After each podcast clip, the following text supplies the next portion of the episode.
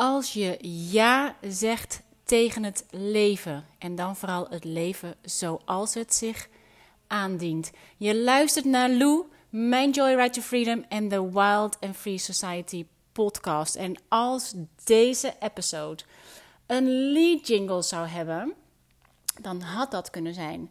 Zeg maar ja tegen het leven, ja tegen het leven. Maar dat is hem niet geworden. Maar wel dit nummer. En ik ga je zo meteen uitleggen waarom. En ik laat hem je even helemaal horen. Dus het is een minuut of twee. Komt-ie.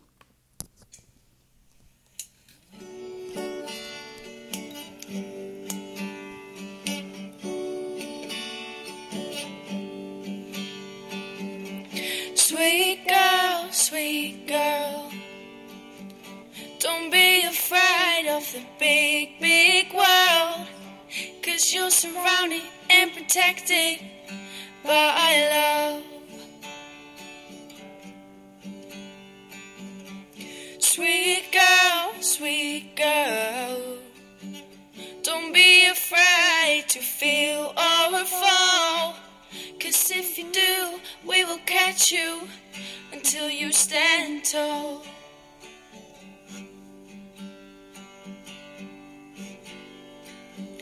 You got a loving mother and a father too.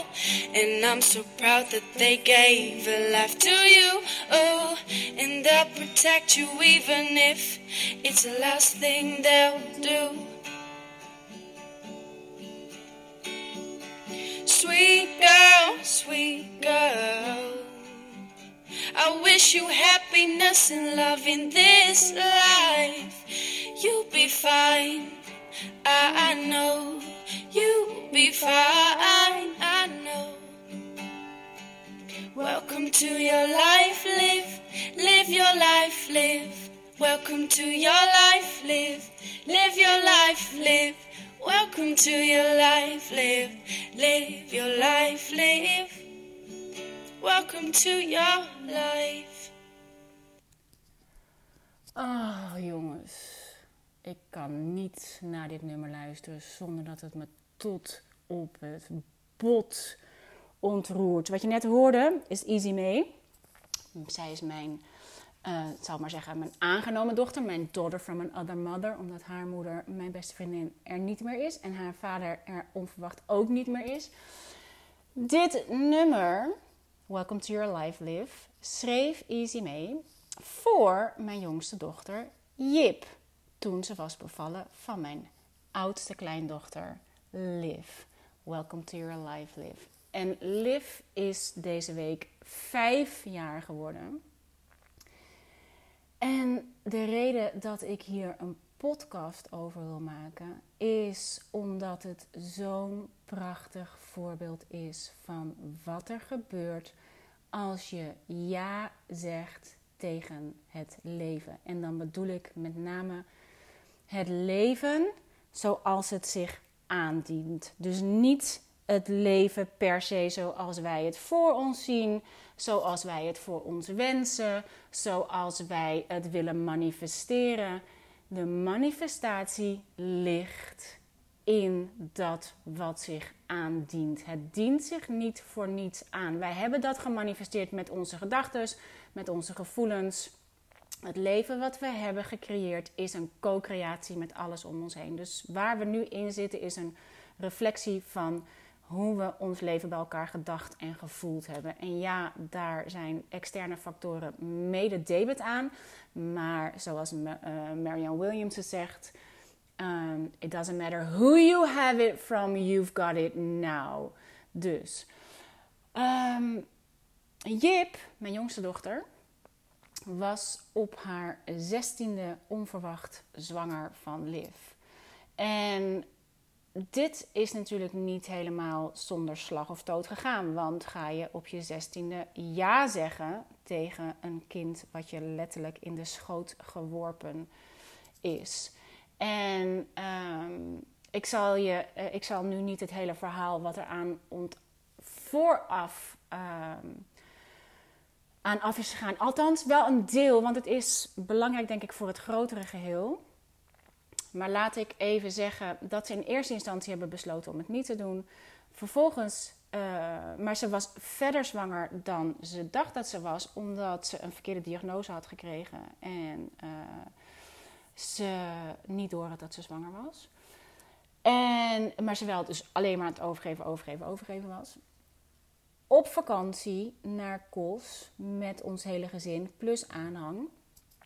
Jip zou na deze vakantie haar zwangerschap afbreken. En omdat ze verder was, kon dat ook niet. Voor de vakantie had ze verplicht nadenktijd nodig. En op vakantie gingen we op de laatste dag um, met z'n allen met van die kwads over het eiland. En de kwad van Jip en Luc die maakt een schuiver. En ik zie Jip in één keer wit wegtrekken. En ik dacht, die is natuurlijk helemaal gek geschrokken van die schuiver die zij maakte. Want we waren offroad aan het rijden. Maar we kwamen terug in het hotel en ze zei tegen mij: Mam, ik moet het houden. Ik kan het niet weg laten halen. Ik moet het houden. En dat heeft natuurlijk tot gevolg gehad dat ik, ja, dan moesten we wel met de vader van Liv, die we toen nog niet wisten dat het Livje was, ehm, dan moesten we dat gesprek natuurlijk weer even opengooien. En dat, dat stuk wil ik je even onthouden, want het is natuurlijk wel een, een lastig pakket geweest voor iedereen. Maar uiteindelijk, uh, ze zijn ook even uit elkaar geweest, omdat ja, Jip zei: Mam, ik weet gewoon zeker dat ik het moet houden. En ik weet ook waarom ik het moet houden. Ik weet ook waarom het mij gebeurt van de drie, de jongste van de drie. Dus ik weet dat als ik dit nu weg laat halen, is dat omdat weer de hele wereld om mij heen zegt dat ik het niet moet doen.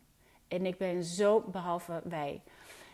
Um, ik ben zo geneigd om te luisteren naar wat anderen vinden dat ik moet doen. En wat anderen zeggen dat ik moet doen. En ik heb zo de neiging om te volgen wat een ander voor me wil. Zeg maar ik weet gewoon dat ik een deel van mezelf aborteer als ik dit kind weg laat halen.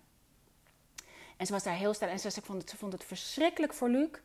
Als hij um, daardoor toch vader werd en hij op dat moment uh, dacht dat hij dat niet wilde worden uiteindelijk is door allerlei, ja, door allerlei dingen is Luc wel degelijk geshift naar het feit dat hij vader werd. En dit is waarom ik hier een podcast over wil maken, jongens. Want wat gebeurt er vervolgens? Luc staat voor de deur om, met zijn handen op zijn rug. En um, hij vraagt: Is Jip? Hij staat in tranen voor de deur. Hij zegt: Is Jip thuis? En um, Oh jongens, het ontroert me ineens zo. Is Jip thuis? Zo ja, Jip is thuis. Um, die lag huilend in haar bed. Hij stond huilend voor de deur. En hij heeft in zijn ene hand een fotolijstje met een foto van hem als peuter en een foto van Jip als peuter. En in zijn andere hand heeft hij een handsopje. En in, daarin uh, zit, uh, daarin staat, dit is een van de Jansens. Luc heet Jansen van zijn achternaam. En zijn moeder had dat handsopje voor hem gemaakt toen hij een baby was. En dit is er een van de Janssens als label erin ge, uh, genaaid. En daarmee stond hij voor de deur en zei tegen Jip dat ze het wel gingen doen. Dat hij mee, dat hij, want Jip ging het doen. De, de vraag was alleen, wat gaat de rest doen nu zij het gaat doen? En, um, man, het was zo beautiful. Dus zij hebben ja gezegd tegen de zwangerschap van Liv. Tegen de geboorte van Liv. Vervolgens, jongens, en dit is waar deze episode over gaat. Als je ja, gaat, als je ja zegt tegen het leven. En um, wat ik even tussendoor wil zeggen. Een van de redenen waarom ik niet. Mijn allereerste reactie was heel gek toen Jip tegen mij zei dat ze zwanger was. Mijn allereerste reactie was: oh, wel fijn, zo'n kleintje erbij. En een split second later dacht ik: belachelijk, doe normaal. Wat gaat je vader zeggen? Wat gaat je omgeving zeggen? Doe normaal. Je kind is 16, bijna 17. Um, maar mijn aller, aller, allereerste reactie was: oh, wel fijn, zo'n kleintje erbij. Daarom is het zo belangrijk dat je je um, eerste reactie vangt. Want je allereerste reactie, en het is ook heel belangrijk dat je hier tweede reactie vangt, want die is vaak razendsnel. Mijn ego ging er met een noodgang overheen. En als ik niet alert was geweest, dan had ik die allereerste reactie gemist. En was ik met mijn ego misschien veel meer meegegaan. En had ik misschien veel meer zelf willen uh, sturen in dit geheel. Maar dit was mijn allereerste reactie. En je hart weet het beter. Dit is onderdeel wat er gebeurt als je ja zegt tegen wat het leven je komt brengen. Ik was op dat moment aan het schrijven aan mijn tweede boek, Les is Luxe. En ik was op dat moment, had ik net B-School gedaan. En om van mijn boeken een business te maken. En omdat de inhoud van B-School mij zo totaal inspireerde en we er fantastische gesprekken aan hadden. Mijn andere kinderen die studeerden al, zaten, deden uh, communicatiewetenschappen. De ander zat op het HBO eh, ook communicatie en deed ook marketing en dingen. Dus er zat zoveel in B-School wat, uh, wat voor al mijn kinderen toepasbaar was. Dus we hadden fantastische gesprekken sowieso aan tafel daarmee. Maar ik weet dat er dat mijn, mijn eerste reactie was dus wel fijn, zo'n baby erbij. En vervolgens ging mijn ego zich ermee bemoeien en wat de hele goede gemeente daar wel dan niet van zou vinden. En wat, uh, uh, waar ze dan wel niet allemaal tegenaan zou lopen. En hoe moet het dan met school? En toen kwam ik bij dat stukje en hoe moet het dan met school? En ik voelde in één keer dat ik dacht, hoe bedoel je, hoe moet het dan met school? Er is altijd B-school. Ik had, maakte me totaal geen zorg van al die dingen waar wij ons zorgen over konden maken, maakte ik me totaal geen zorgen over hoe het moest met haar school. Hoe het moest met haar toekomst. Ik zag dat was serieus zo'n ongelooflijk bevrijdend gevoel. En dat gold niet alleen voor Jip, dat gold ook voor mijn andere dochters, omdat die weliswaar aan het studeren waren. Maar ik ook zag hoe beperkt en hoe old school dat was, wat zij allemaal aan het leren waren. Vergeleken met wat we in B-school aan het leren waren. Wat zoveel sneller en zoveel. Um, veel meer, veel meer, veel meer van deze tijd is. Waar het hele onderwijssysteem nog zo log is. Maar ik kon zo goed in alle, op, in, alle uh, vlakken voelen de, zodra ik met B-School was begonnen, had ik totaal geen, uh, maakte ik me totaal geen zorgen over cijfers van de kinderen. Over of ze wel of niet goed presteerden op school. Omdat ik dacht, school is maar een manier om ergens succesvol in te zijn. En ik dacht, we hebben altijd B-School. En dit is waarom ik mezelf totaal geen zorgen maakte over hoe moet het dan met school. Hoe moet het dan met haar toekomst? Want dat was natuurlijk waar de meeste mensen over vielen als je op zo'n jonge leeftijd uh, ervoor kiest om een kind te krijgen. Luc zegt ja tegen het leven met Jip en Liv onderweg. Wat doet Luc? Hij dacht: oké, als dit het is, en wij hebben het natuurlijk ook gehad over B-School. Hij dacht: oké, ik, ga, ik ga versneld afstuderen. Hij zat op een opleiding voor uh, als uh, een sportopleiding. Hij dacht, ik ga versneld afstuderen. Dan, uh, kan, en hij is op zijn scooter naar de Kamer van Koophandel gegaan. Is een eigen business begonnen. En um, is een half jaar eerder afgestudeerd. En hij heeft zijn diploma. En dat ontroert me ook enorm. Want ik zie ons nog weer zitten met zo'n mini baby. En, en nog, nog twee piepkuikens, Jip en Luc. Want Luc was toen, uh, toen Liv geboren werd, was Jip 17, Luc was 19. En daar zaten ze als kerstverse ouders. Terwijl Luc zijn diploma in ontvangst nam. En het was zo onwaarschijnlijk cool. Um, Luc is als zelfstandig aan de slag gegaan. Neemt, we hebben natuurlijk gesprekken over. We nemen B-School mee in hoe hij uh, zijn business opzet enzovoort. Jip is, um, die wilde in eerste instantie gewoon zorgen voor Liv. En uh, zij hebben het eerste half jaar, wij, dit is ook precies, wij kregen ons huis niet verkocht in Meidrecht. En um, toen hebben we uiteindelijk hebben we de, uh, het te koopbord uit de tuin gehaald. Omdat we dachten, oké, dit is gewoon niet de tijd. En het zat inmiddels zo dik onder onze eigen hypotheek. Dat we dachten, ja, voor wat zouden we het met zo'n verlies verkopen? En toen we dat hadden gedaan, bleek Jip zwanger te zijn. En ik dacht, oh, daarom, we hebben dit huis gewoon nog nodig. Want iedereen was aan het uitvliegen. We zouden met z'n Jip en, en uh, Jim was nog thuis. Keesje woonde in Amsterdam. Uh, Jip was nog thuis. Dachten we, oké, dan gaan we, waarom gaan we niet met z'n allen naar Amsterdam? Dan hebben we daar nog een soort basis. En uh, kunnen ze daar vandaan uitvliegen. Maar we kregen ons huis niet verkocht. Ik dacht, oh man, ze heeft dit huis gewoon nog nodig. Want we hadden een heel groot gezinshuis. En van de onderste verdieping, beneden, helemaal beneden... konden we makkelijk voor Jip en Luc en Liv een eigen appartement maken. Waardoor ze wel op zichzelf kon, konden wonen, maar dat ze er niet on your own, but not alone. En dit, jongens, geldt voor al je kinderen. En niet alleen maar als je kind een kind krijgt. Dit geldt voor alle kinderen. Dus zij hebben het eerste half jaar beneden gewoond. En uh, wat ze natuurlijk enorm veel ruimte heeft gegeven financieel. Omdat ze daardoor kon Luc zijn eigen business opstarten. Jip die kon even gehoor geven aan het feit dat ze gewoon heel graag met Liv wilde zijn op dat moment. En mijn uitgever had meteen gezegd: Dit is wel een boek. En dat was ik absoluut met haar eens. En ik had zelf net Les Luxe afgerond. Ik had eerlijk gezegd zelf bedacht: ik ga even geen boek doen.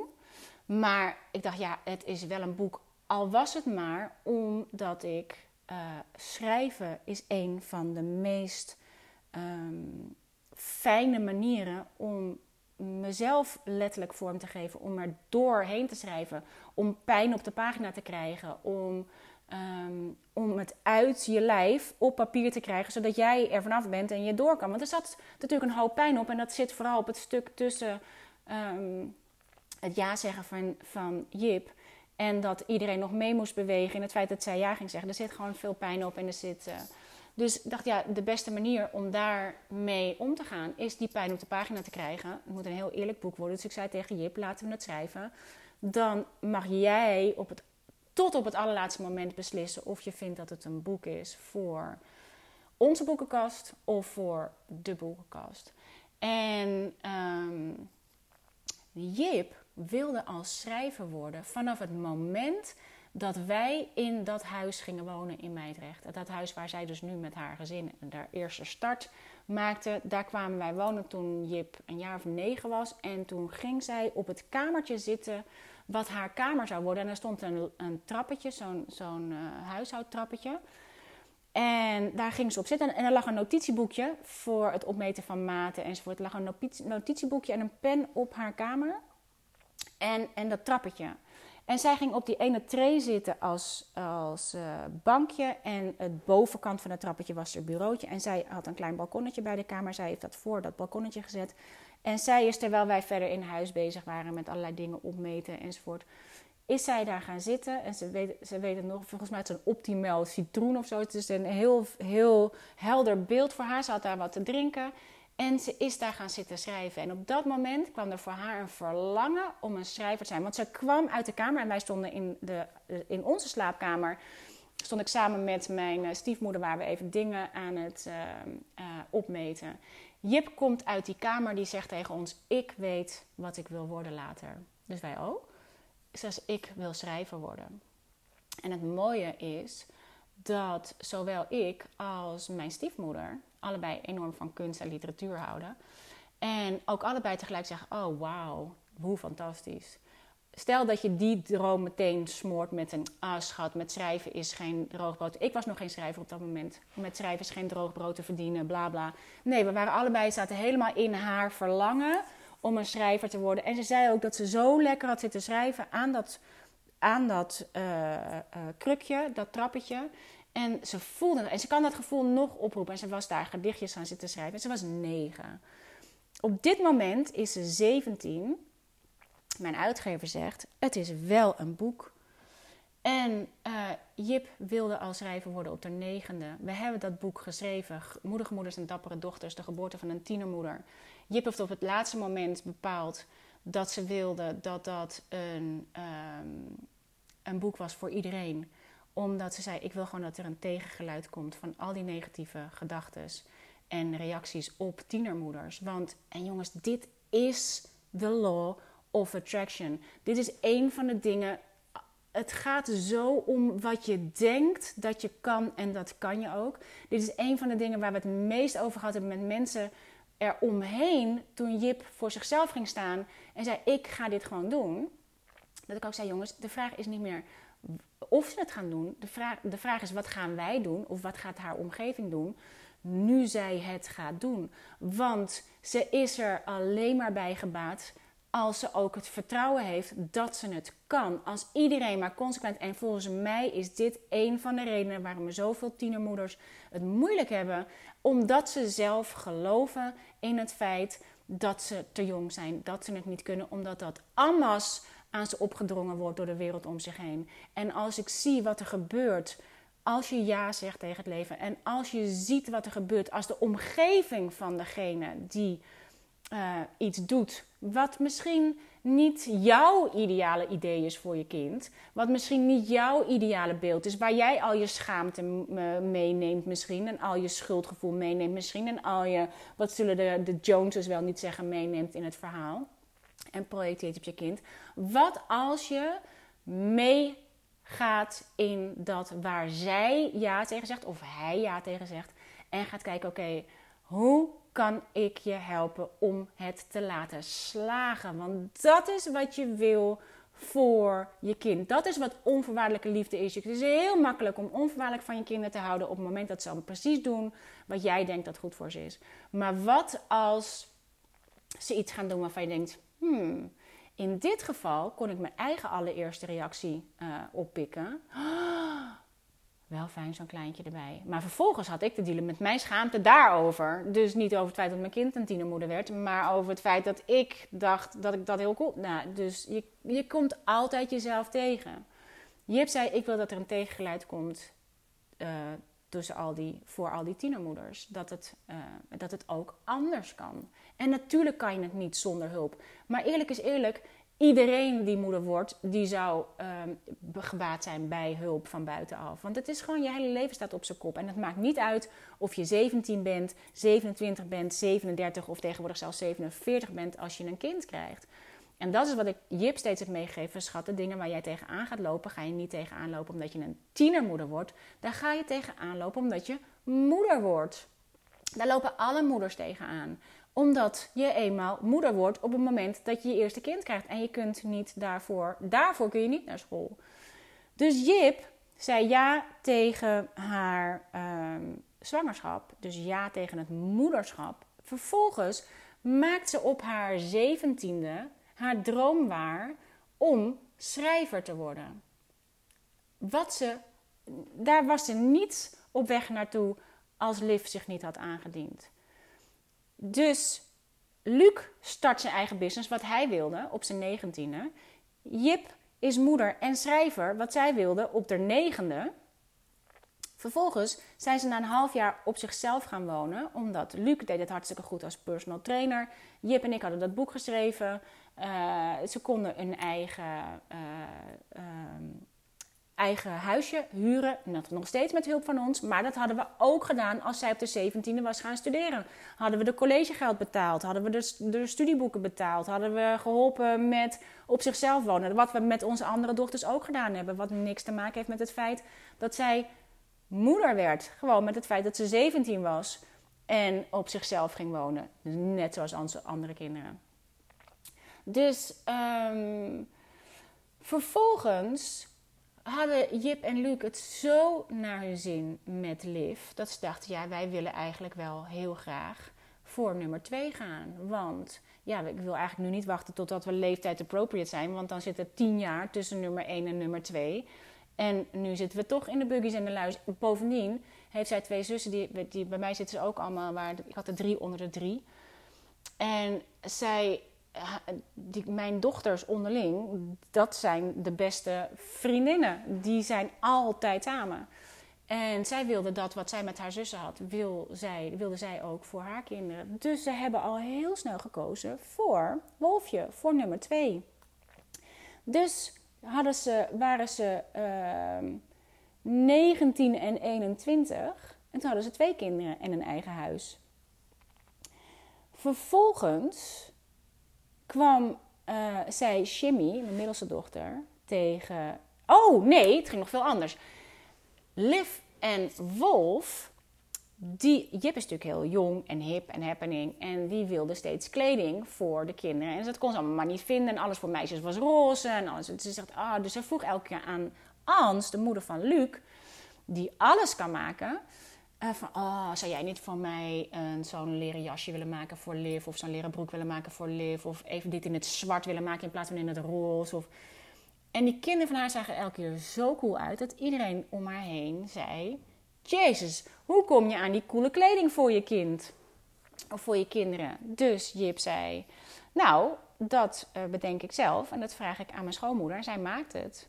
Nou, ik zou dat ook wel willen. Wat gebeurt er als je ja zegt tegen het leven? Vervolgens ontstond er een kinderkledingmerk, Live Like a Wolf. Liv heet de dochter, Wolf heet de zoon. Live Like a Wolf is haar kinderkledingmerk. En uh, stond ze ineens op de kleine modefabriek met haar dingen. En had ze ineens een business. En was iedereen enthousiast over de spullen. En krijgt ze allemaal via Instagram allemaal mails van bekende Nederlanders. Die met haar, met Live Like hun kind laten zien in Live Like a Wolf. En zei helemaal, hè, wat? Shimmy, mijn middelste dochter, die zei tegen Jip... Jemig Jip, wil jij niet eens een video maken of zo waarin je uitlegt hoe jij dat doet met twee kinderen en eigen business en jullie zijn 17, dus jullie zijn 19 en 21. Dus Jip zei, ja, alsof iemand daarop zit te wachten. Zegt ze, bovendien uh, heb ik helemaal geen vlogcamera en waar moet ik het dan over hebben? De volgende dag staat Jim bij Jip voor de deur. Die heeft een vlogcamera voor de gekocht. Staat voor de deur, zegt ze, hier, alsjeblieft. Uh, het kan me niet schelen waar je het over gaat hebben, als je me gaat uitleggen hoe je dat doet. Want werkelijk iedereen die ik tegenkom, het enige wat ze van mij nog willen weten is van hoe doet Jip dat met twee kleine kinderen en twee businessen en ze zijn 19 en 21. Nou, die businessen, guys, B-school. 19 en 21, dit is werkelijk uh, zo snel kun je. Wat zij hebben gedaan, zij hebben gewoon helemaal geen tijd verloren. Zij zijn gewoon meteen, ze hebben de, de koe bij de horens gevat en hebben het leven naar zich toe getrokken. Dus Jip begint te vloggen over haar leven als 19-jarige met een eigen business. Uh, met een vriend die een eigen business heeft en twee kinderen. En omdat iedereen inderdaad wil weten, ze vragen het ook altijd aan mij, ze vragen aan Kees, ze vragen aan Jim, ze vragen aan Easy. Hoe doet Jip dat? Nou, zo. En dat vlog, die vlog, dat vlog, het vlog, um, heeft een enorme vlucht genomen. Dus is ze een soort van social influencer geworden. Vervolgens, uh, en dit is waarom iedereen elkaar helpt. Sunny uh, Verhoeven van Sunny Zoekt Geluk was bij mij. Die kwam hier op de woonboot een filmpje maken over geluk zoeken. En we hadden het met haar, ik had het met haar even over Jip. En zij kijkt naar Jip de views. Ze had toen nog helemaal niet zoveel volgers. Of tenminste, niet veel. Uh, beduidend meer dan ik, maar niet vergeleken bij wat ze nu heeft. En ook niet vergeleken bij wat Sunny toen had. Maar Sunny zei, maar jezus man, het aantal views wat zij heeft is echt bizar ik wil haar wel voorstellen aan mijn uh, agentschap, social influencers, of zij niet geïnteresseerd zijn in haar. Dus via Sunny is het balletje gaan rollen voor Jip. Is, um, is ze op gesprek gegaan met social influencers. En daar is ze nu. Uh, nou, ze is een enorm grote influencer aan het worden, kan je wel zeggen. En vloggen, een beroep wat helemaal niet bestond, jongens. Als ik had dat ze naar school had moeten gaan en dat ze een baan had moeten leren en dat, ze, uh, dat er in alle dingen die zij wil, dat er geen droog brood in te verdienen is. Vloggen was nooit een job. Het was nooit een job. Nu is het big booming business. En zij heeft een business uh, ondergrond. Want zij heeft B-School. Wij doen allemaal, we zijn allemaal op de hoogte van B-School. We zijn allemaal op de hoogte van marketing. We zijn allemaal op de hoogte van communicatie. We zijn allemaal op de hoogte van hoe het werkt. Dus we kunnen elkaar allemaal helpen. We zijn een familie. En we zijn allemaal in business. En het is zo tof. En dit is zo'n goed. Dit, jongens, waar kun je naar school om te leren hoe je moet vloggen? Er wordt heel denigrerend over gedaan. En reken maar dat erop neergekeken wordt. Het is toch geen echt beroep. Net zoals dat ik vroeger model was. Was toch allemaal wel heel makkelijk je geld verdienen. Bla bla bla. En dat is ook zo. En er is helemaal niks mis met makkelijk je geld verdienen. Want makkelijk je geld verdienen. betekent vooral dat je aan het doen bent wat je heel makkelijk kunt. En wij hebben alleen, omdat wij al die paplepels meekrijgen, alleen gedacht: als iets makkelijk is, dan is het niet goed genoeg. Het is, je moet hard werken voor je geld en je moet er alles voor laten en je moet grinden en je moet never, never, never, never, never, never, never, never, never, never, never, never, never, ever give up. Als dat het gevoel is waarmee je in business gaat, dan zul je altijd falen. Want A, je faalt omdat je niet doet wat je heel makkelijk afgaat. En B, je faalt per definitie, al ben je nog zo succesvol, omdat je de hele dag pushen bent en aan doorzetters bent en op doorzettingsvermogen gaat en niet op de flow van het ja zeggen tegen dat wat je op je pad komt. En dat hoeft dus helemaal niet allemaal pais en vree en positief te zijn. Alleen je gaat dat pad en op dat pad ga je bewust op zoek naar: oké, wat ligt hier dan? Dus Jip is nu een social influencer. Ze hebben net een. Uh, en, ze heeft nog steeds de Live Like a Wolf uh, kinderkledinglijn. Wat ze nu weer een nieuw leven aan het inblazen is. Omdat Luc ook zegt: Oh, ik zou veel liever. Hij werkt heel vaak s'avonds, omdat uh, ja, heel veel mensen natuurlijk overdag werken. Dus hij doet heel veel personal training, doet hij s'avonds. En hij zegt, oh, ik zou het best wel fijn vinden om wat meer... Wat natuurlijk heel lekker is, want daardoor is hij overdag relatief veel thuis. Waardoor ze samen de kinderen doen, waardoor Jip overdag kan werken. Luc overdag met de kinderen is. Uh, S'avonds is Luc aan het werk, is Jip met de kinderen. En als de kinderen in bed liggen, dan kan zij weer editen voor de vlogs. Kan zij aan de gang voor Live Like a Wolf. Uh, dus ze, zijn, ze doen het serieus samen. En, uh, maar hij zegt ook, van, het lijkt me ook wel heel tof om niet meer elke avond te werken, maar dat we ook gewoon Live Like a Wolf. Hij zegt, ik wil de Live Like a Wolf wel uh, meer doen. Want dat, begint, dat is natuurlijk ook aan het uitrollen. Dat wordt enorm groot en, en ja, alles moet ingepakt en verscheept enzovoort worden. Het moet gemaakt worden. Het is super tof. Dus zij is een fantastisch voorbeeld van wat er gebeurt als je ja zegt tegen het leven. En wat je kunt heel goed zien wat er zou zijn gebeurd als wij allemaal van buitenaf tegengas hadden gegeven. Als wij van buitenaf allemaal hadden gezegd: nee, uh, dat moet je niet doen. Of oké, maar als je dat doet, je moet wel je school afmaken. Je moet wel dit en je moet wel dat en je moet wel zus en je moet wel zo. Dan had ze dit allemaal gemist. De effortlessness van het leven zelf. Voor zover je kunt spreken over effortless. Als je kinderen aan het opvoeden bent. Want voor alle mama's onder ons, we weten allemaal hoe challenging dat kan zijn.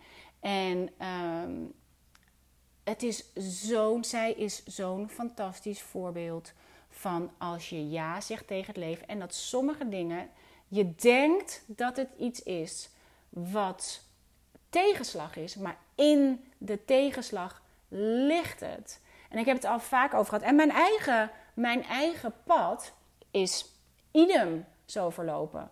L'histoire se répète. Het is echt waar, de geschiedenis herhaalt zich. Dit is ook trouwens waarom het interessant is om even dat nog een keer te luisteren naar de podcast over het muisexperiment. Want dit is ook wat, wat je doorgeeft aan generaties, generaties, generaties. En als dat niet is wat je wil, dan kan je dat ook doorbreken. Maar in dit geval, ik ben ook, ik was iets ouder dan Jip. Ik was 25 toen ik, toen Keesje mij letterlijk in de schoot werd geworpen. En ik dacht, hè? Nou, het is dat ik nog net niet onbevlekt ontvangen was. En ik was gewoon met haar vader. Maar ik dacht, dat is onmogelijk. Wanneer is dit kind er doorheen geglipt?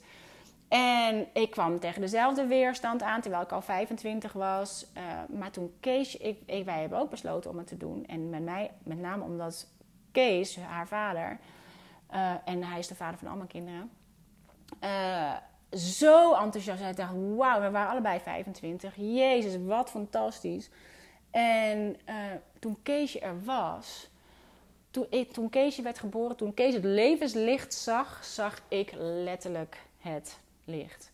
Ik vond het helemaal fantastisch. Dacht ik, wauw, het hele navelstaren van het modellenwereldje. Het was allemaal in één keer over. Ik vond dat, dat moeder zijn echt fantastisch. Dus bij mij was Jimmy ook meteen als nummer twee bij mij was Jip nummer drie niet meer in de planning. Want Kees en ik, dat, de, die trokken die hele invasie van kinderen minder goed samen. Maar vooral omdat ik natuurlijk, doordat die kinderen er waren, had ik ineens.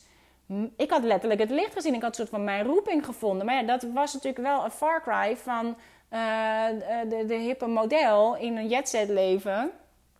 Dus dat tussen ons, dat was even wat ingewikkelder geworden. Maar ik ben heel blij dat zij er ook nog tussendoor is gevloept, letterlijk. Zodat zij er ook nog bij kon bij dit gezin. En um, omdat opvoeding voor mij, ik jongens, ik vond het helemaal geweldig. Dus ik ging heel veel lezen over opvoeding. Ik ging dus al heel snel, ik dacht ja, dat modellen, dat houdt een keer op als ik um, uh, ouder word. Toen was je nog, als je ouder werd, lag je eruit. Tegenwoordig, ik geloof dat nog steeds modellen uit mijn lichting zijn nog steeds heel veel uit modellen en die verdienen nog fantastisch geld mee. Ik zou nog steeds heel makkelijk als model kunnen werken en daar mijn geld mee verdienen. Maar ik wil niet meer op die manier werken, want ik heb mijn roeping gevonden, namelijk. Uh, en dat is allemaal, jongens, dit is allemaal in lijn. En daarom zijn het allemaal, dit is connecting the dots, wat uh, uh, Steve Jobs noemt. Dus als je terug gaat kijken, dat je het kan zien. En doordat ik zo begeisterd was, letterlijk door opvoeding, en daarover ging lezen, over onderwijs ging lezen, en ik dacht, ja, als dat model een keer ophoudt, dan uh, moet, heb ik wel een fulltime baan nodig om voor mijn toko te kunnen zorgen. Want die deed ik inmiddels in mijn eentje. En ik, daarvoor was ik ook de, de kostwinnaar. Dus ik dacht, ja, ik moet nu wel dan iets gaan doen waardoor ik de hele toko kan draaien. En toen dacht ik, oh, nou als ik naar het onderwijs ga, dan heb ik enigszins dezelfde schooltijden als de kinderen. Heb ik in ieder geval dezelfde vakanties als de kinderen. Dus dan heb ik dat probleem niet. Dat, waar ga ik dan mijn kinderen laten? Wat mijn grootste joy was als ik aan het werk was om het geld te verdienen voor de kinderen. En dit heeft me zo onwijs veel. Dus ik ben van opvoeding naar onderwijs gegaan. Het hele les is luxe is ontstaan toen ik alleen was met de kinderen. Omdat ik dacht, ja, alles wat ik heb, daar moet ik voor werken. Alles wat ik niet heb, kan ik gewoon in tijd besteden met de kinderen. Dus ik ben daar, daar ben ik me gaan ontdoen van alle spullen die ik niet nodig had. Daar heb ik gezien, gevoeld. Dat ik dacht, wauw man, ik heb gewoon zo lang de verkeerde dingen nagestreefd. Dit, dit was voor mij echt halleluja. Gewoon, daar is mijn creativiteit uh, helemaal open gebarsten. Omdat ik niet meer mijn geld uit wilde geven aan dingen die we niet nodig hadden. En ik ben gaan maken voor de dingen die we wel nodig hadden. En ik dacht, alles, je kunt alles maken. En daarmee mijn eigen creativiteit open laten breken. De creativiteit van mijn kinderen. Uh, mijn zelfstandigheid. Het niet uitgeven langer aan dingen die er helemaal niet toe doen. Ik zat voor mijn gevoel op het, op het juiste spoor. Dus ik ben van, op, van opvoeding naar onderwijs gegaan. En ik was echt, man, ik ben cum laude van de Power afgekomen. Omdat ik helemaal, ik snapte dit. Ik vond het helemaal te gek. Wat ik nu doe, is in wezen precies hetzelfde. Ik maak lessen. Het maakt niet uit. Ik heb heel veel onderwijs gemaakt, maar ik wil hier niet te lang over uitweiden. Onderwijs gemaakt voor uh, hoogbegaafde kinderen, onderwijs gemaakt, uh, filosofieprojecten voor de, juist voor, de, voor de, degene, de drop-outs. Heel veel, ik hou enorm van lesmateriaal maken. Wat ik nu doe, is nog steeds lesmateriaal maken. En dit is precies hetzelfde, want ik kwam elke keer terug bij een klasje van drie. Ik wilde gewoon het allerliefst zorgen voor mijn kinderen. Ik dacht, ja man, die tijd gaat zo snel. Ik wilde toen Pascal erbij kwam, wij zijn nu uh, eh, 20 jaar samen. Um, zijn we samen in een huis gaan wonen. De kinderen gingen naar een andere school. Ik dacht, ja, ik wil nu gewoon er voor de kinderen zijn. Dit is voor alle mama's die ervoor kiezen om met de kinderen thuis te zijn. I applaud you, want je laat je niet meeslepen door het succesverhaal, door alle negatieve dingen over moet je dan niet.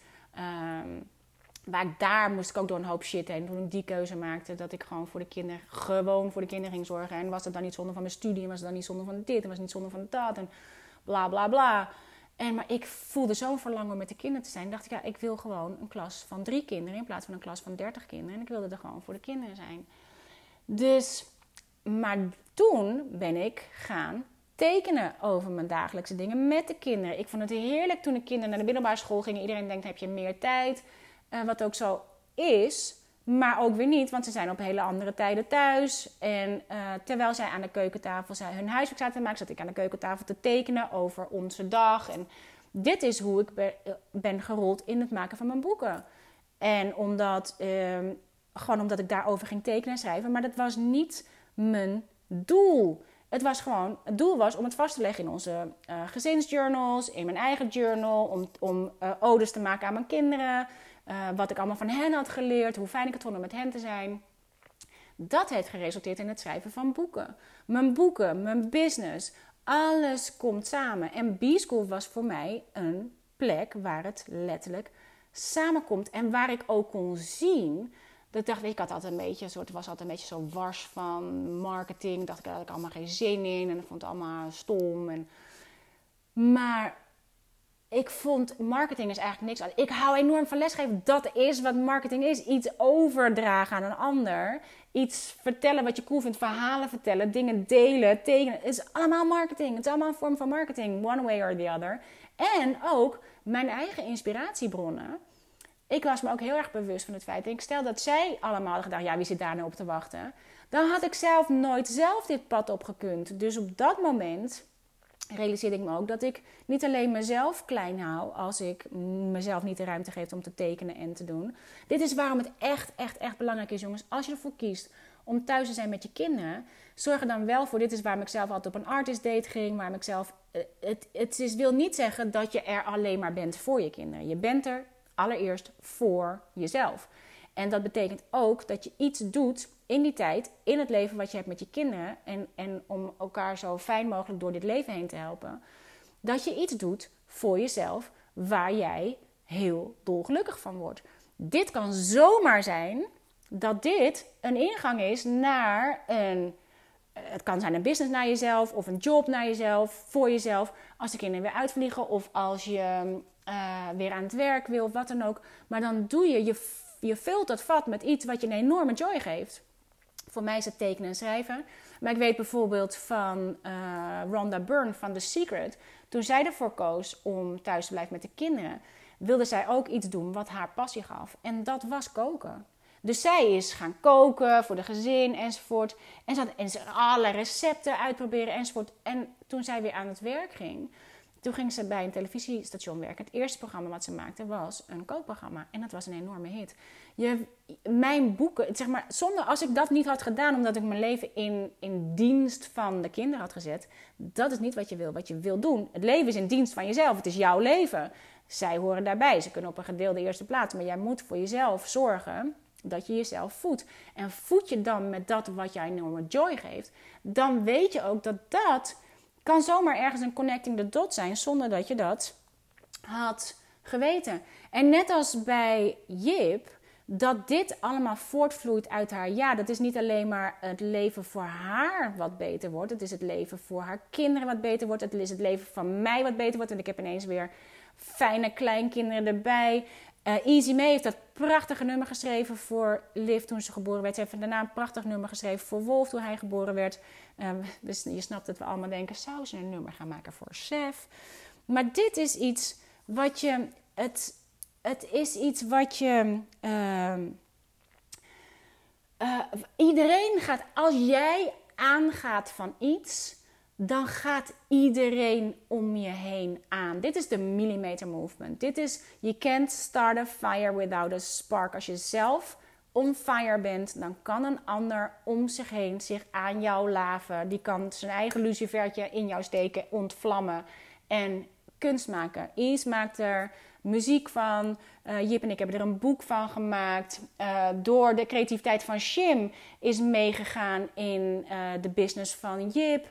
Um, het is voor iedereen heeft er wat aan als jij on fire bent.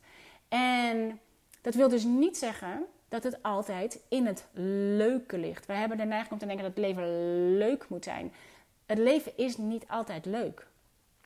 Maar je kunt wel zelf kiezen hoe je kijkt naar het leven zoals het zich aandient. En als je op zoek gaat naar wat jouw de, het meeste plezier oplevert in de situatie zoals die is.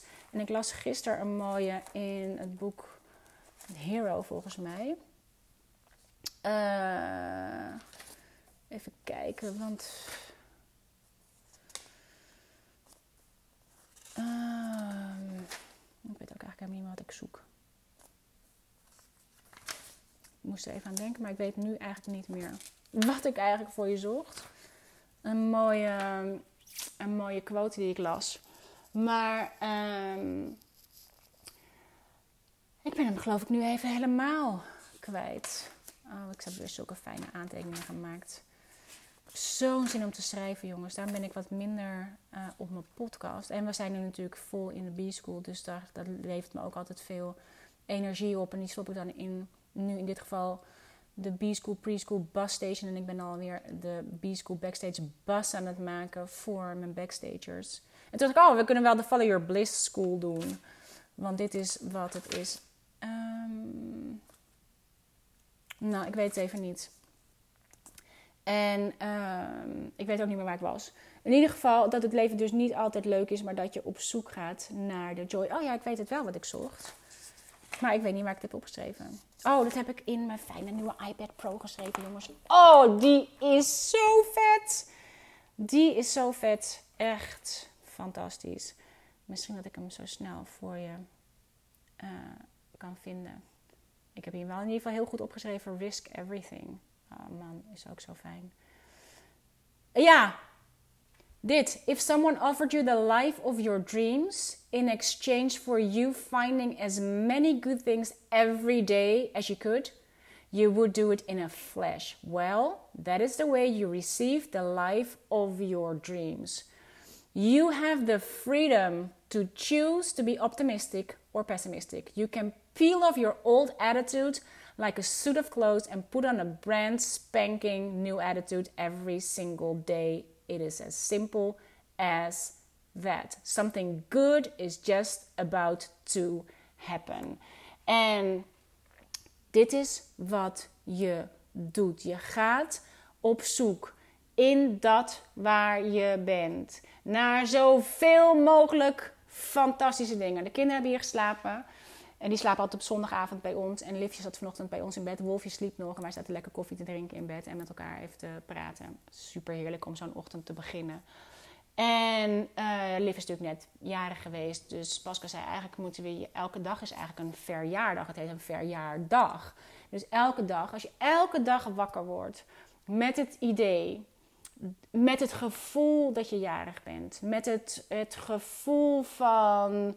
Um, nou, Christmas morning, zal ik maar zeggen. Met het gevoel van belofte. Dat ik denk, oh, ik ben zo benieuwd wat een cadeautjes ik ga krijgen vandaag.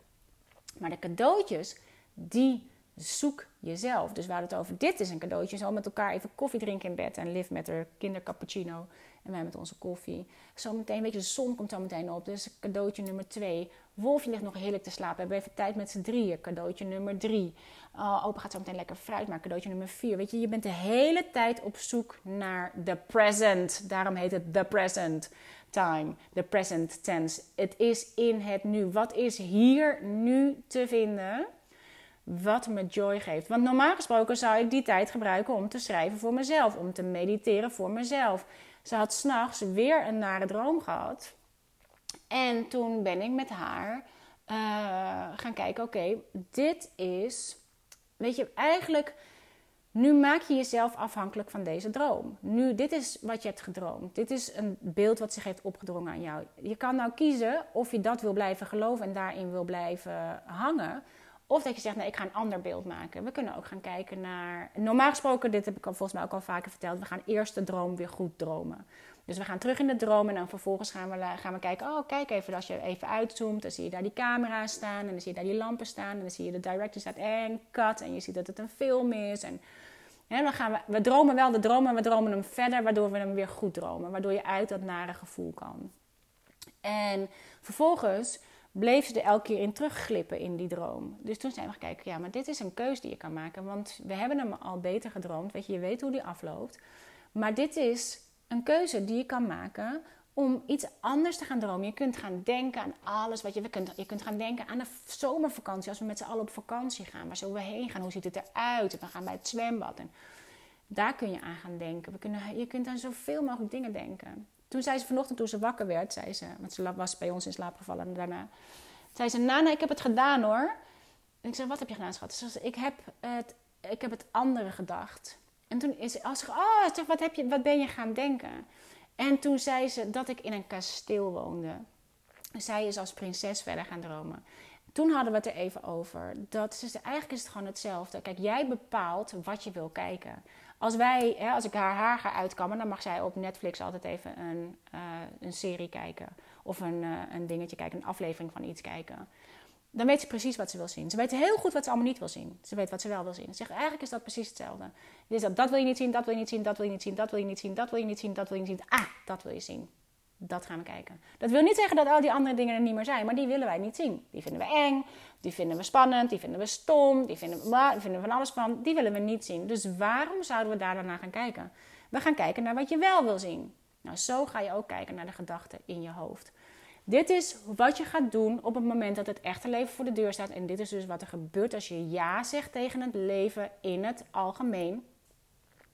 En dat je kiest om ervoor te zorgen dat je je gifts van die dag vindt en zoekt. Als ik nu naar buiten kijk, ik zie een, um, een uh, koolmeesje die zit hangt lekker te eten van de dingen die Pascal allemaal heeft opgehangen.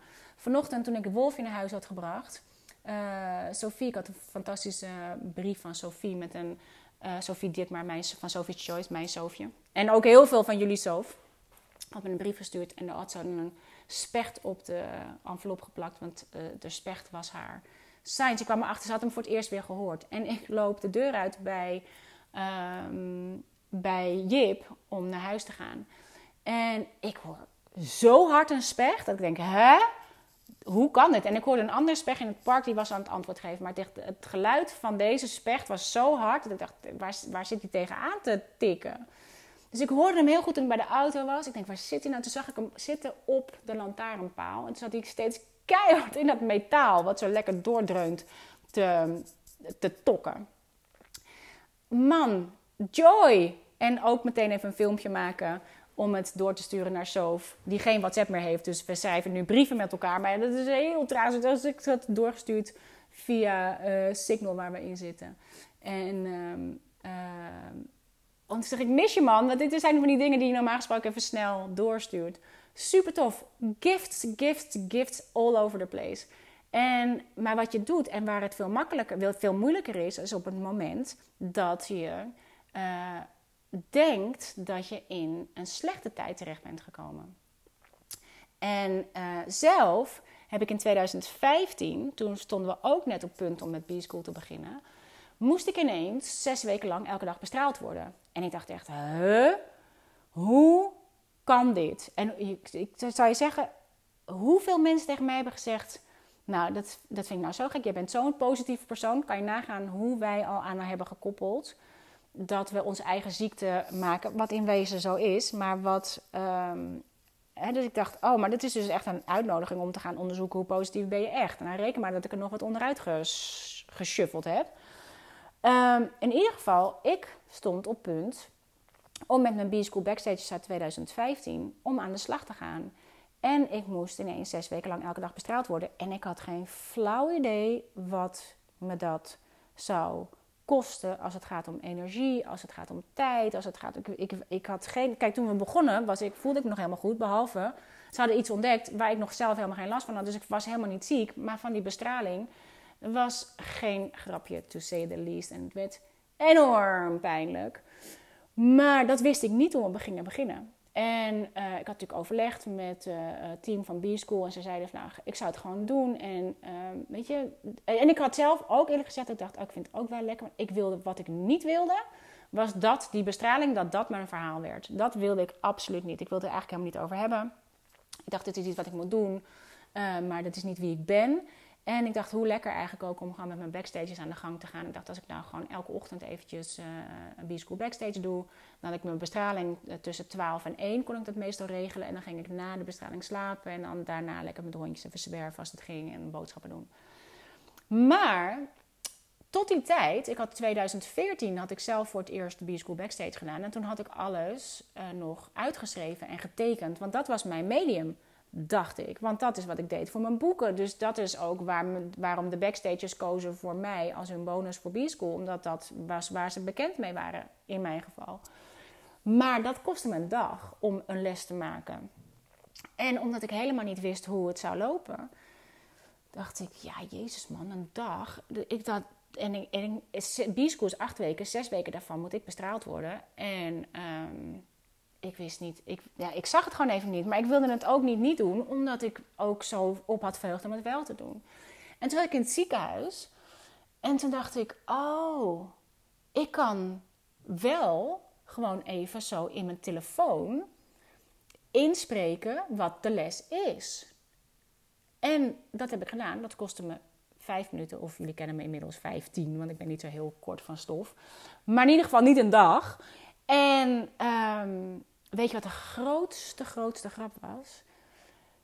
Tot die tijd had ik alles schrijvend en tekenend gedaan. Marie Forleo, die B-School doet, die maakt echt prachtige filmpjes. Ziet er fantastisch uit en heel professioneel. En, en, en zeg maar gevoelsmatig heel ver weg van waar ik op dat moment was en waar iedereen was die begint met een business. Dat is niet waar je begint.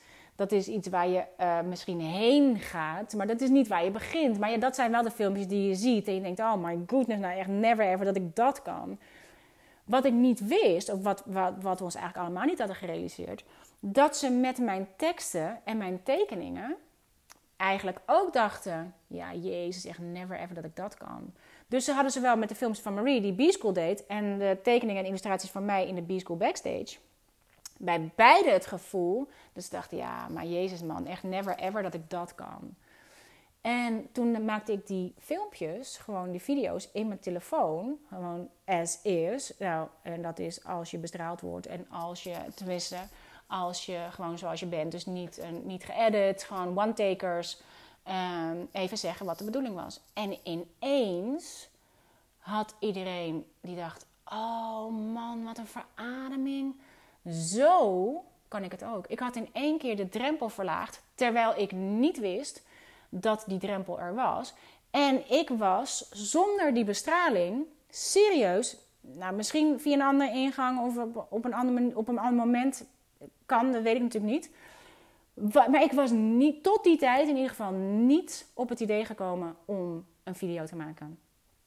Omdat ik totaal A niet dacht dat ik dat zou kunnen. B niet dacht dat dat interessant was voor een ander, want ik was een schrijver en een illustrator. Maar het gemak waarmee ik dat kon en het plezier wat ik daarin had, is de grootste gift die is gekomen uit de bestraling. Want daarna ben ik e-courses gaan maken met video. Ik wil alles op video gaan doen. En nu ben ik een beetje aan het verschuiven naar audio. Omdat ik niet iedereen steeds achter zijn beeldbuis wil houden. Maar maak ik eigenlijk een combinatie van video's en, uh, en audio. Maar dat, de oorsprong ligt in 2015 toen we toen begonnen met de B-School Backstage. En ik heb uh, tijdens die bestraling zelf zo ongelooflijk veel geleerd over wat het leven echt waard over, weet je, hoe druk maak je, hoe snel moet het eigenlijk allemaal, hoe succesvol moet het allemaal meteen zijn. Succes is als je uh, je bestraling overleeft, is, ben je heel succesvol. Of als je een ziekte overleeft, of als je, weet je, als je, um, als je je bewust bent dat je leeft, is super succesvol. Dus ik was ineens, en ik wilde in het AMC bestraald worden, omdat mijn vriendin, die was altijd in het, uh, in het AVL. En dat was voor mij echt een kankerziekenhuis. En in um, het AMC kan je van alles hebben. Dus ik wilde daarheen, zodat je niet meteen. Uh, dat het niet voor de buitenwereld meteen zichtbaar is dat je daar bent. Voor welke, dat heb je natuurlijk wel op het moment dat je radiotherapie binnenstapt. Maar ik dacht, ik wil naar het AMC. En Jip is uh, geboren in het AMC, want die kwam zes weken te vroeg, waar Kees en Jimmy thuis zijn, zijn geboren. Maar het was voor mij altijd het, het ziekenhuis waar Jip was geboren. Ik rijd er heel vaak langs op de A2. En op dat moment werd het AMC voor mij ineens. Het is een huge gebouw. Het is echt super groot. En ik geloof uh, misschien wel het grootste oppervlakte van, van, een ziekenhuis, van een ziekenhuis in Europa. Eén hoekje daarvan, radiotherapie, is maar één hoekje daarvan. En daar is een enorm leven gaande. Je komt, ik ben niet de enige die iedere dag bestraald moet worden. Dus je komt elke dag uh, veel dezelfde mensen tegen. Maar je komt ook kinderen tegen die niet alleen bestraald, maar ook chemo moeten die daar lopen. Je weet je, je bent je zo bewust van je, het feit dat het allemaal reuze meevalt wat jij hebt. Het kan altijd erger. Ik had er mijn job van gemaakt om op zoek te gaan naar... Oké, wat doet iedereen die mij aan het bestralen is? Want het is natuurlijk een heel team die elke dag daar is. En ik dacht echt, oké, als je me dan toch bestraalt, weet je, dan uh, laat me dan maar stralen. Dat is echt een soort van beam me up, Scuddy. Uh, laat ik het dan, maak ik van mezelf een soort bionic woman. Dus elke keer ik visualiseerde als ik bestraald werd, dat ik daar helemaal soort van uh, als een bionic woman weer uitkwam. Dit is wat je doet als het echte leven voor de deur staat. Daar ga Het is niet zo dat degenen die allemaal heel succesvol zijn en die allemaal uh, positief zijn en die allemaal uh, waarvan jij denkt dat ze het leven vooral fantastisch voor elkaar hebben, dat die die shit en die zorgen niet kennen. Nee, die kennen ze allemaal. Maar wat zij doen, wat wij doen, want ik schaar mezelf er wel echt onder. Ik schaar mijn kinderen er echt onder. Ik schaar mijn man er echt onder. Wij jongens, wij hebben faillissementen meegemaakt de afgelopen jaren. Als je de sec naar gaat kijken, ik heb een, een dochter die is tienermoeder. Ik heb een dochter die gaat trouwen met een Marokkaan. Ik heb een dochter die moet er de draai nog vinden. Ik heb een aangenomen dochter die uh, heeft haar ouders verloren. Um, weet je, al die dingen, als je de sec naar gaat kijken. Ik kom officieel, ben ik een alleenstaande moeder, want zo ben ik ooit begonnen. Maar mijn kinderen zien niet dat ze uit gescheiden ouders komen. Maar mijn kinderen, die, ze zouden het idee hebben dat, dat ze gescheiden ouders hebben als Pascal en ik uit elkaar zouden gaan. Om te zeggen, nee, mijn ouders zijn nog steeds bij elkaar, zeggen zij. Maar dat zijn Pascal en ik. En um, het is maar zo hoe je er naar kijkt. Hoe, het zijn allemaal dingen waar de buitenwereld een oordeel over kan hebben. Over tienermoederschap, over trouwen met een Marokkaan, over weet je, al die dingen. Uh, faillissement. Um, die hebben we allemaal bestraling meegemaakt. Dood continu meegemaakt de laatste tijd. Maar we zijn er. We zijn er nog. Wij zijn er. Hoe cool. Laten we daar wat moois van maken. Dat is wat je doet. Je gaat elke dag op zoek naar de gift. Alsof je jarig bent. Ik ben zo benieuwd wat ik vandaag allemaal voor cadeaus kan gaan ontvangen. Die ga je zoeken. Dat is het enige wat je zoekt. Je bepaalt zelf wat je gaat kijken. Op welk kanaal je hem zet. Dat wil niet zeggen dat al die andere shit niet is gebeurd. Als je gaat kijken naar de film In The Secret. The Secret, de film The Secret. Daarin zit een stukje over. Dan zeggen, zeggen ze ook. Ja, weet je, we hebben altijd het idee uh, alsof, we, weet je, alsof het allemaal voor de happy, uh, de lucky few is. Maar iedereen, al die teachers in The Secret, die zijn allemaal... De ene is homeless geweest. De ander is, komt van verslaafde ouders, is misbruikt geweest. De ander heeft, is, is dakloos geweest. De ander is... Ze hebben allemaal, en dan hebben we het niet over een beetje shit... maar real deep shit meegemaakt. En uh, Jack Canfield zegt... And we call that so what. En dat vind ik zo briljant so what? Dit is het leven. So what? Now what? Nu is het aan ons om te zoeken naar de gifts in it. En um, nou, dat wilde ik eventjes met jullie delen. Wat gebeurt er als je ja zegt tegen het leven zelf? En natuurlijk wil ik je ook van harte uitnodigen. B-School is weer begonnen. Of tenminste gaat beginnen. Marie Forleo is nu begonnen weer met eh, haar eerste drie lanceringsvideo's uh, eerste is er al uit. De tweede die komt vandaag online. Het is nu maandag. Ik heb geen idee wanneer Linde tijd heeft om dit erop te zetten. Maar zodra zij dit erop heeft staat, is die er ook. En uh, volgende week komt er nog eentje. Dan begint het volgende week. Moet ik even kijken wanneer ook weer echt de deuren open gaan. Dat is op de 19e, volgende week dinsdag. Maar waar ik je voor uit wil nodigen, en daar heb ik ongelooflijk veel joy in als het gaat om de joy. Ik heb pardon. Ik heb een B-School Preschool Bus Station. Helemaal in de lijn van mijn inner road trip. En ik heb er zo'n ongelooflijk plezier in. Uh, ik ben een B-School Backstage bus aan het maken voor al mijn B-School Backstages van de jaren daarvoor en de nieuwe B-Schoolers. Uh, maar ik heb dus nu eerst een B-School Preschool Bus Station voor degenen die willen kijken of ze überhaupt geïnteresseerd zijn in B-School. En er zitten ook heel veel van mijn bondgenoten die nu mijn Magical Manifesting members zijn. Um, die er ook in zitten die eigenlijk helemaal niet, niet het idee hebben dat ze een eigen business willen. Maar die wel, je hebt er altijd wat aan. Ook in je moederschap, ook in je eigen werk, in het werk wat je hebt als je uh, niet een eigen business hebt. Dit is wat ik me vandaag realiseerde toen ik even op iemand reageerde in, bij de busstation. Uh, dat het ook zo goed is als je gewoon een vaste baan hebt omdat je, als je de entrepreneur mindset hebt als werknemer, ben je zo interessant voor je werkgever. Als je aan het werk bent om een business groter te maken, ook als het niet je eigen business is, omdat je snapt hoe business in elkaar zit, man, je speelt jezelf zo in de kijker. Dat, um, en, en al die ideeën die kunnen gaan stromen en wat je ermee zou kunnen doen. En je weet niet wat je naar boven hengelt als je gewoon de dingen doet voor pure joy. Dat is wat je heel makkelijk kan. En dat kan heel goed zijn dat daar een verborgen aanwijzing voor je ligt voor je eigen business. Hoe je, ik zag net, ehm, toen ik mijn telefoon openklapte, een berichtje voorbij komen over dat er, het is volgens mij een record aantal uh, zelfstandige businesses of uh, eenmanszaken geopend dit jaar. En ongetwijfeld ook een record afgehaakt. Maar um, hier worden we allemaal nog niet voor opgeleid op school. Dus als je. Ik heb vorig jaar ook had ik ook iemand die eh, was met haar dochter, deed ze de B-School backstage in ieder geval. En een van hen, je kunt het gewoon samen doen. Een van hen had B-School gekocht. En ze mochten wel allebei in de B-School backstage. Maar juist, jongens, als je tiener zet. Juist ook, weet je waar ik ook aan moet denken? En ik zal echt zo ophangen, want we zitten al over een uur. Maar um, ik had pas een heel leuk gesprek ook met vrienden. En zijn zoon zit helemaal in dat gamen. Fortnite.